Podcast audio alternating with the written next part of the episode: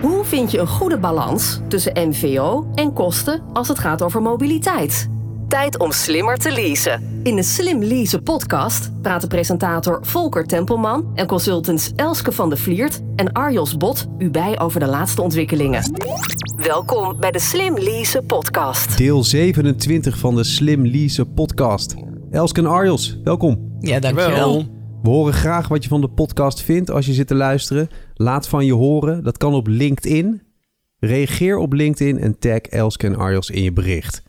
Vandaag blikken we terug op de afgelopen twee Slim Lease podcasts... waarin eigenaar Marco Verwoerd van het Rico Business Center... en Menno Mulders, MVO-manager bij Qualm te gast waren.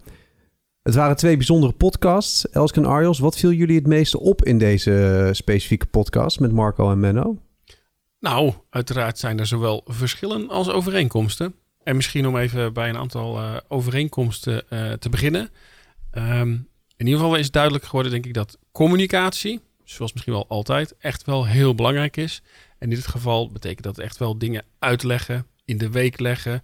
Um, en niet vanuit gaan dat de, uh, je gesprekspartner of je medewerkers al precies dezelfde ideeën hebben of kennis hebben. Um, maak het concreet toon het, uh, maar geef er een voorbeeld aan en vertel ook wat het voordeel voor de medewerker is. Dus dat zijn een aantal ja. duidelijke uh, overeenkomsten die we in de afgelopen podcast uh, gehoord hebben. Ja, en ook wat mij opviel was dat het, het gaat niet zozeer om de maatregel. Uh, ja, die moet gedaan worden om bijvoorbeeld die CO2 te reduceren. Maar het gaat er veel meer om hoe organiseer je dat nou en hoe krijg je dat nou voor elkaar. Dus ja, bij de ene is het uh, zo'n smart dongel die in zo'n auto wordt gedaan door de directeur, omdat hij denkt, hé, hey, dat werkt, dat is heel makkelijk. Mm -hmm. Nou ja, ga dat maar uitrollen. Hè, en de andere die gaat weer om, over mobiliteitskaarten. Ja, en allebei moet je dat handen en voeten geven. Dus, dus uiteindelijk welke maatregel je kiest, maakt er niet zoveel uit. Het zit er veel meer in, hoe organiseer ik dat? En inderdaad, hoe communiceer ik dat? Ja. En Be bewustwording ja. ook wel, hè? Ja, dat is, heel volgens mij heel, heel belangrijk hierbij. Ja, zeker. En, ook, en dat begint dus vooraf, hè? Dat uh, Marco die zei, ik ben echt intrinsiek gemotiveerd. Menno die zei, ja, ja, dat is gewoon normaal bij ons in het bedrijf. Zo, ja. Dat is geen discussie. Dus, dus hij daar keek, begint Hij keek ook echt verbaasd. Ja. Dat heeft ja. niemand geluisterd. Dat heeft niemand gehoord. Maar hij was ook echt verbaasd over de vraag. Ja. ja. Dat doe je toch gewoon? Ja, inderdaad. dat doe je toch gewoon. Mooi. En als het dan van, vanuit zo'n eigen overtuiging komt... Uh, dat helpt. Daar begint het eigenlijk mee. En dan kun je, nou, vervolgens, uh, wat willen we dan en hoe gaan we dat dan doen? Maar eerst moet die overtuiging er zijn van, ja, dit is wat we, dit is waar we heen willen. Is ook wel leuk, want dat hoorde je bij Marco ook terug in een van de problemen waar hij tegenaan was gelopen. Is dat hij het inderdaad ook heel normaal vindt en vond. Mm -hmm. Maar de mensen met wie hij werkt, zijn werknemers, niet per se. En nee. dat was voor hem best wel even schakelen. Ja, ja, inderdaad. En ook hoe vertel ik dat nou op de juiste manier aan de juiste persoon? En dat hij echt heeft geleerd van hoe communiceer ik ja. uh, met wie en op welk ja. met je gesprekspartner. Ja, ja. ja. en dat inderdaad. is ook wat je net aangeeft van uh, uh, leg het in de week, neem er de tijd voor. Ja.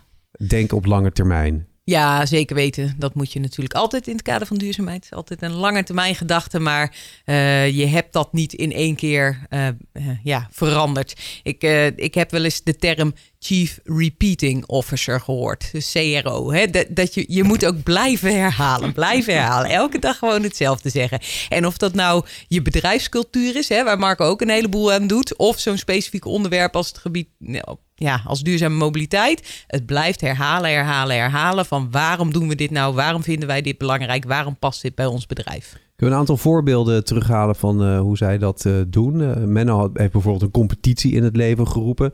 Arjos, waarmee hij ja. binnen het bedrijf dat ja. op een hoger platform tilt. Ja, ja wat, wat in ieder geval, dus die competitie, zeker. Dus even competitie. En daar hebben ze, dat vond ik wel goed over nagedacht. Want ze deden dus niet een individuele competitie ja. om allerlei uh, valspelen en uh, nou ja, verkeerde incentives van joh, die gaat toch winnen. Dus nee, ze hebben er echt groepjes van gemaakt. En ze lieten de groepjes, daar hebben ze nog weer nagedacht over de samenstelling. Ja, vond ik slim. En die dus met elkaar laten, laten we zeggen maar, battelen. Um, en de uitkomst was dus dat één, alle drie de groepjes, want daar hadden we het over, uh, gemotiveerd waren. En dat ze per saldo qua scoren heel dicht bij elkaar zaten. Maar ze hebben natuurlijk wel het gewenste effect. Ja. Uh, dus ja, uh, slim. Ik denk dat dat ook veel, hè, dat maakt je veel competitiever als je net niet van iemand kunt winnen. Kijk, als jij uh, helemaal achteraan de wedstrijd ligt, dan vind je het wel goed. Dan, uh, ja. Maar als je denkt, oh, ik kan hem nog verslaan, ik kan hem nog als verslaan. Het nek tot gaat, ja, ja. ja, Nee, ja, kijk, dat- Bij Arval hebben we ook wel eens een keer een competitie gehad over zuinig rijden. En ja, dan wist je eigenlijk op voorhand ook wel, nou, die en die zijn gemotiveerd. En die hebben dat en dat misschien beroep. Oftewel, die kunnen zelf bepalen wanneer ze komen, wanneer ze weggaan. Die hebben een voordeel. En ja, dan kun je wel in de Ja. buitendienst zitten. Dan heb je af en toe file. Dan moet je af en toe misschien een beetje eh, opschieten omdat je bijna te laat bent voor een afspraak. Dat is allemaal, en zo kun je nog wel een paar excuses verzinnen natuurlijk. Ehm, En dan denk je, ja, of dan ben je nog steeds gemotiveerd, want die zijn er ook. Of je denkt van, ja, weet je, laat Ja. deze maar lopen. Maar als je er een groepje van maakt, dan Ja. ga je toch elkaar erop aanspreken. En, en dus, ze hebben ook die informatie helemaal transparant gedeeld. Ja, dat zijn natuurlijk wel een paar leuke eh, randvoorwaarden die je dan invult, waardoor het een succes kan worden. Dit is de Slim Lease podcast met Volker Tempelman, Elske van de Vliert en Arjos Bot. Hoe doet eh, Marco dat eigenlijk bij, eh bij zijn Ja. Rico Business Center? Ik denk dat het voor hem eh, veel lastiger is, omdat hij ook heel veel ehm, mensen eh, individueel heeft die als eh, vertegenwoordiger en zo op pad zijn. Dus Ja. die, die komen ook veel minder samen, denk ik. En die, die spreken elkaar veel minder en die, daar is minder binding. Dus dan moet je het ook meer vanuit die personen zelf laten komen. Eh, daarom is hij ook zoveel bezig met die cultuur steeds meer herhalen en steeds maar vertellen daarover. En dat Ehm, zelf uitdragen. en dat zelf En- en- uitdragen. En, doen. Ja, zeker weten. En, eh, maar hij stelt wel weer daardoor, daar, ja, daarom denk ik eigenlijk, hele duidelijke kaders. Jongens, we gaan gewoon elektrisch rijden. is geen discussie. Nee, Het, eh, Nou, hij, en, doet, hij doet het zelfs aan de, aan de poort, spreekwoordelijke poort. Ja, eh, ja, voordat je daar ja. überhaupt gaat werken of kan Ja, werken. Eh, moet je daar al in meegaan in dat Ja. gedachtegoed. Is dat, is dat een goede Ja. insteek? ja, dat, maar dat vind ik sowieso. Als je, eh, als je mensen aanneemt, dan is het- wat ze kunnen, is natuurlijk heel erg nodig dat ze dingen kunnen. Want ze gaan een bepaalde functie vervullen. Maar cultuur en of ze daarbij passen, dat is veel belangrijker. Dat, dat, Ja. dat maakt uiteindelijk een succes. Want als je Tuurlijk, als je advocaat bent, moet je een advocatenopleiding hebben gehad. Geen discussie. En dan, maar als je niet binnen de cultuur past, dan kun je ook niet goed je werk uitvoeren. Dus ja, uiteindelijk is dat het allerbelangrijkste. En daarom is het heel goed dat, die, dat hij zo expliciet eh, aan de poort dat doet. En ik denk dat dat bij een bedrijf als Qualm, wat ja, eh, sowieso kleiner is dan die hele RICO-organisatie die Marco achter zich heeft. Ehm, maar die, ja, die is zo op die manier gegroeid. Dus daar is het allemaal veel implicieter. Mhm. En misschien dat sommige kleine organisaties dat nog wel veel explicieter kunnen maken om er veel meer mee te kunnen doen. Goed punt ook over kleine en grote organisaties. Eh, Marco gaf aan dat hij ook de steun krijgt voor zijn beleid vanuit eh, eh, het grotere RICO. Wat is jullie opgevallen eh, over de manieren waarop je ermee aan de slag kan eh, tussen kleine en grote organisaties met eh, maatschappelijk verantwoord ondernemen, duurzaamheid, CO2-reductie? Nou, bij een, bij een kleine organisatie kun je natuurlijk eh, iets makkelijker zeggen: we gaan het vanaf nu zo doen. Bij een grote organisatie, en dan kun je in geval van de organisatie van Marco, die hangt er een beetje tussen. Want hij heeft zijn eigen organisatie. Ja. En hij is onderdeel van een, eh, of werkt heel nauw samen met een heel, onderdeel van, een van een groter geheel. En in dit geval is er het, we zeggen, het voordeel, want zo zie ik het toch wel, dat die, het grote Rico Ja. ook duurzaamheid hoog in het vaandel Ja. heeft en daar dus actie op onderneemt. En dan gaf een aantal hele mooie voorbeelden eh, rondom eh, beperken van eh, afval Ja. en recycling. Ja, dat zijn natuurlijk concrete ja, maatregelen en beleid en, waar, je wat, waar je op voort kunt bouwen. En je kunt nog steeds voorop lopen en, en daar je eigen invulling en draai aan geven. Ja. Ehm, en dat doet hij. Mee eens, eh, Elske? Ja. Ja, ja, zeker. En het, het, ik denk ook wel dat je krijgt zoveel meer aangereikt dan van zo'n grote organisatie. En als kleine organisatie moet je het ook allemaal zelf gaan zitten verzinnen of maken. Of de, hè, dus, Het dus- wiel uitvinden. Het, ja, het wiel uitvinden. En daarom zie je natuurlijk wel ook dat vanuit de CO2-prestatieladder heel erg eh, wordt ehm, eh, gestuurd op dat je in werkgroepen samen met andere bedrijven van elkaar gaat leren. Dat is daar wel een heel belangrijk onderdeel van. En dat is zo dat niet iedereen helemaal het wiel opnieuw hoeft uit te vinden. Maar je hebt niet zo'n hele, ja, zo'n hele grote organisatie achter je die je van alles nog kan aanreiken. Heel praktisch, eh, hoeveel tijd en moeite kost je dat als eh, ondernemer, onderneming om in van die werkgroepen daar actief mee bezig te zijn? Dat, ehm, nou, dat hoeft je niet zoveel tijd te kosten. Maar dan haal je volgens mij ook het rendement er niet uit. Dus het, het gaat er veel meer om van... ehm, als je meestal zijn die werkgroepen vier keer per jaar zo'n beetje bij elkaar. Dus nou, dat. En dan moet je het nog eens een keer voorbereiden. En dan is het nog een keer bij jou. Maar de, de truc is, oké, wat ga ik dan doen met dat wat ik heb eh, eh, opgevangen tijdens zo'n bijeenkomst? Ja. En Ik, eh, ik- ja, ik zou het ook omdraaien. Niet wat kost het me? Ja. Wat gaat het me opleveren? Ja. en hoe want- zorg ik ja, dat Want- het veel want, oplevert? Dus oké, er hangt een, laten we zeggen, in ieder geval een tijdsinvestering aan vast. En ook nog wel wat andere investeringen waarschijnlijk. Maar als je kijkt van, oké, wat doet het met mijn netwerk? Eh, wat doet het met inzichten? Eh, welke mensen geven je kans om daaraan deel te nemen?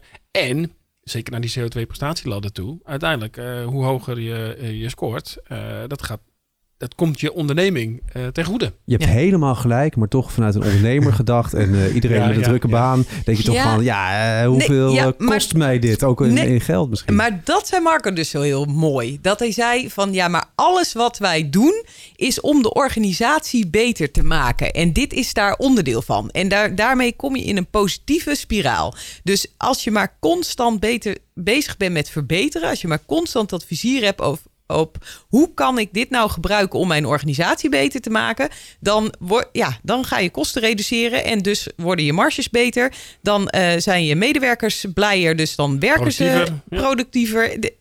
Het is een positieve spiraal waar je dan waar, je, komt. in- waar je wel even Ja. in moet stappen. Je moet maar. er wel instappen, je moet Ja. het wel willen, je moet er een idee bij hebben, maar ja. Nou, en heel concreet, eh, waar vind je zo'n werkgroep bijvoorbeeld? Ja, op de CO2-prestatieladder website skao.nl kun je... Kan je gewoon doorklikken en daar- ja, daar vind je daar dat kun je wel, vinden. En als je even googelt, dan heb je dat ook wel gevonden. En wat je Ja. ook kunt doen, is gewoon, weet je... Kijk, ehm, zeker in de bouw, hè, veel aannemers, veel onderaannemers... die bedrijven komen elkaar allemaal de hele tijd tegen. Het is small ja, inderdaad. Dus dan vraag je gewoon, joh, hè, is er hier in de buurt nog een... of je start zelf een groep op en je doet daar met een aantal van die eh, partijen waar je mee samenwerkt. Dus dat is niet zo, eh, ja, dus niet zo ingewikkeld. Is het ook de moeite waard voor eh, zelfstandigen, voor ZZP'ers? Of wordt dat pas eh, wat, eh, wat, wat aantrekkelijker als je wat mensen hebt en een busje hebt en dergelijke? Nou, het wordt aantrekkelijk als jij een reden hebt om met dit onderwerp bezig te zijn. En eh, eh, dat kan natuurlijk op het moment ook dat je ja, maar 1, 2, 3 mensen hebt. eh, omdat je dat vindt of omdat jouw klanten erom vragen. Ehm, maar of je nou een, man, een organisatie bent van 3000 man of van drie man. Als je niet een reden hebt om met duurzaamheid bezig te zijn. Ja, dan heeft het toch geen zin. Dan hè, kun je wel zeggen, ja, maar zo'n bedrijf van 3000 man die heeft een bepaalde verantwoordelijkheid. Ja, maar als die niet gevoeld wordt, de, dus daar begint het mee. En de grote en klein. Dit is de Slim Lease podcast. En we kwamen hier eigenlijk op eh, door de verschillen tussen grote en kleine bedrijven. Een grote organisatie, nou bijvoorbeeld eh, Rico van Marco. Dan wordt het van bovenaf ook eh, in dit geval gepusht. Het is positief. Je kan als kleine onderneming dus terecht in zo'n groep. Die kan je gewoon allemaal vinden. En dat ligt allemaal heel voor de hand. Maar hoe kunnen we daar nog verder op, op doorspeculeren, op doorpraten? Wat volgt daar nog meer uit? Ik zou denken dat je het... Je kan het natuurlijk een beetje breder trekken. Want we praten nu heel veel over CO2 en de CO2-prestatieladder. Mhm. Maar als je het hebt over duurzaamheid of maatschappelijk verantwoord ondernemen, daar vallen natuurlijk nog veel meer onderdelen onder. Varieert van veiligheid tot eh, Ja. zelfs aantrekkelijk werkgeverschap, eh, eh, Ja. vitaliteit voor je medewerkers. Valt er allemaal, kun je er allemaal onder laten vallen. Ja. Ehm, dus ik denk dat vooral daar, eh, en dat past wel een beetje in het plaatje eigenlijk van eh, Marco ook, die ziet het echt als iets Ja. breeds. Hij staat ergens voor. En we hebben nu ingezoomd op zijn visie op mobiliteit. Ja, Uh, maar als je tussen de rails doorluistert, dat, dat is natuurlijk breder. Het wordt allemaal vanuit, ja, zeg, ik weet niet of dat één visie is, maar in ieder geval een, een, een gedachtegoed eh, gedragen. Ik Ja. denk, denk ook dat het heel belangrijk is dat je meer van die haakjes hebt. Om, want als je het maar voor één ding doet en, dat, en daar heb, gebeurt iets mee of daar, daar, daar gaat iets mis, dan, ja, dan stort het hele kaartenhuis in elkaar. Terwijl als je en inderdaad vitaliteit en ehm, duurzaamheid en je wil nog wat anders voor de maatschappij betekenen. Als je dat allemaal hebt, ja, dan kan het soms wat minder bij de ene gaan, maar dan komt die andere weer sterker naar boven. Dus je moet het allemaal meenemen in, eh, ja, in die hele bedrijfscultuur. Daar komt het eigenlijk wel op neer. Moet je eigenlijk de medewerkers centraal zetten of eh, kan je het beter vanuit een directie regelen? Nou, daar zagen we een heel mooi verschil tussen die twee bedrijven. Want bij eh, Rico of bij Marco moet het echt vanuit die directeur komen, vanuit Marco. En bij Qualm hebben ze die medewerkers centraal gezet. En daar, daar komt het echt niet. We hebben daar workshops gedaan en die directeur is alleen op het eind uh, gekomen. Aangehaakt. Die, aangehaakt. Nou ja, die, die, we hebben de resultaten gepresenteerd. Hij, hij is er niet actief bij betrokken geweest, omdat hij zoiets had van nee, dit Hè, dit doen we samen met het bedrijf. Dus daar ga ik me niet tegenaan zitten bemoeien. Want dan, dan, dan maak ik het misschien alleen maar in de war. Uh, laat het maar vanuit jullie komen. En wat Marco doet, is dat het vanuit hem komt. En dat hij vervolgens zijn medewerkers Meeneemt. centraal zit. Ja. Ja. inderdaad. En in, meeneemt en dan ook hen, ja, volgens mij ook met goede ideeën laat komen. En ook dus. En het heel erg opengooien eh, doet hij, hè? Ja. Hij staat zelf ook open voor de ideeën en Ja. input eh, vanuit eh, de medewerkers weer.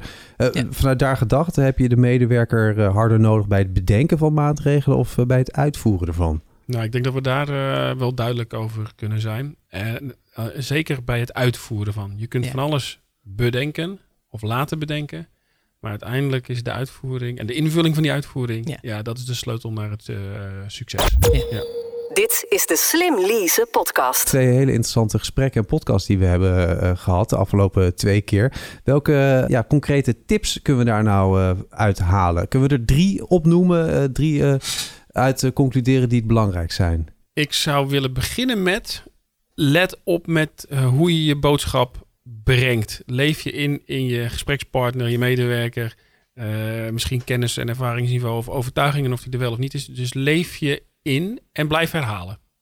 Ja, en dan ehm, is het ook essentieel dat je begint met de overtuiging: waarom vinden we dit nou belangrijk? Waarom is dit nou eh, wezenlijk? Waarom willen we dit nou doen? Dat, dat moet echt. Die intrinsieke motivatie is er niet bij iedereen vanzelf. Dus ergens moet dat, als dat er niet bij iemand vanzelf is, moet het gecreëerd worden. En daar moet je eerst aan beginnen voordat je ooit eens over maatregelen kunt nadenken die je. Nou, die maatregelen die komen dan wel die je door de medewerkers, zeg maar, bij de uitvoering ja, goed kan implementeren. En dat doe je dan met voorbeelden. Gewoon uitleggen eh, waarom het belangrijk is. Ja, en dat doe je ook door medewerkers daar eh, zelf samen over na te laten denken. Dus met ze te gaan brainstormen. Van nou, roep maar, waarom denken jullie dat het belangrijk is? En dan komt er altijd iemand met, ja, maar de klant die vraagt erom. En eh, ja, eh, de, eh, zo kunnen we kosten besparen en eh, zo kunnen we ons onderscheiden van de concurrentie. En eh, oh ja, ja, ik of de vind toch ook concurrent doet het al lang. Ja, inderdaad. Of eh, uiteindelijk komt het dan ook altijd, ja, maar we willen toch een betere wereld achterlaten voor onze kinderen. Ja, inderdaad. Dat, eh, hè, maar dat, ehm, mij schiet een eh, onderzoek te binnen dat. ehm, eh, dat is gedaan specifiek naar waarom mensen nou milieu belangrijk vinden. Dat zijn egoïstische waarden, hedonistische waarden, altruïstische waarden of echt milieuwaarden. Dus mensen doen het he- egoïstisch echt voor henzelf, omdat ze zelf een voordeeltje krijgen. Mensen doen het hedonistisch omdat het dan gemakkelijker iets, eh, iets van gemak brengt.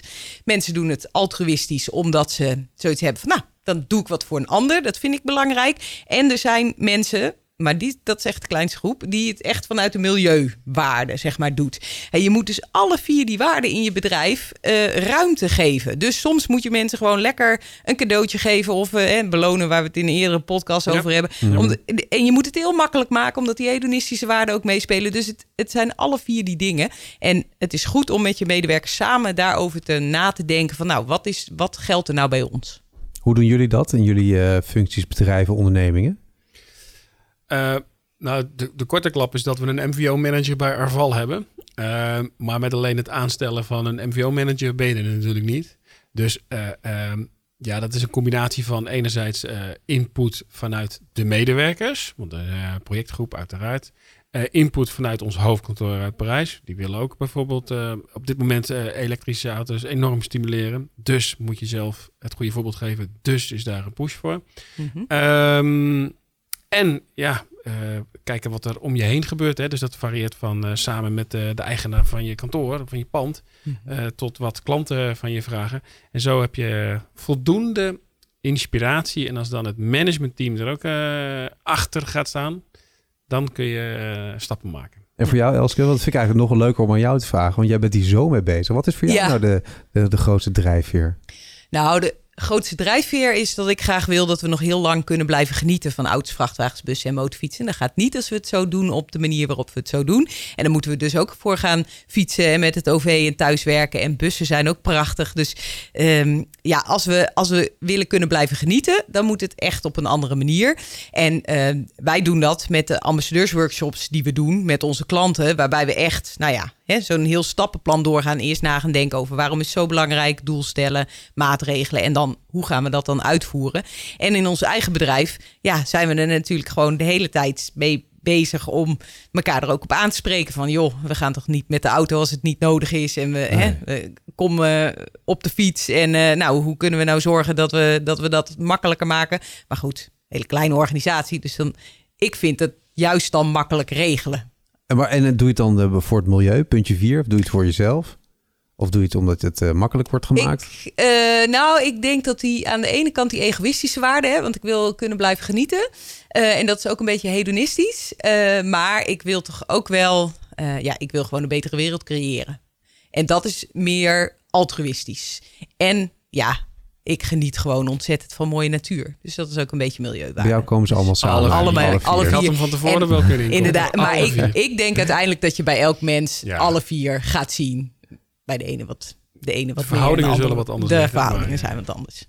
Hartstikke goed. Dit was deel 27 van de Slim Lease podcast. We blikten terug op de afgelopen twee Slim Lease podcasts... waarin eigenaar Marco Verwoerd van het Rico Business Center... en Menno Mulders, MVO-manager bij Qualm, te gast waren.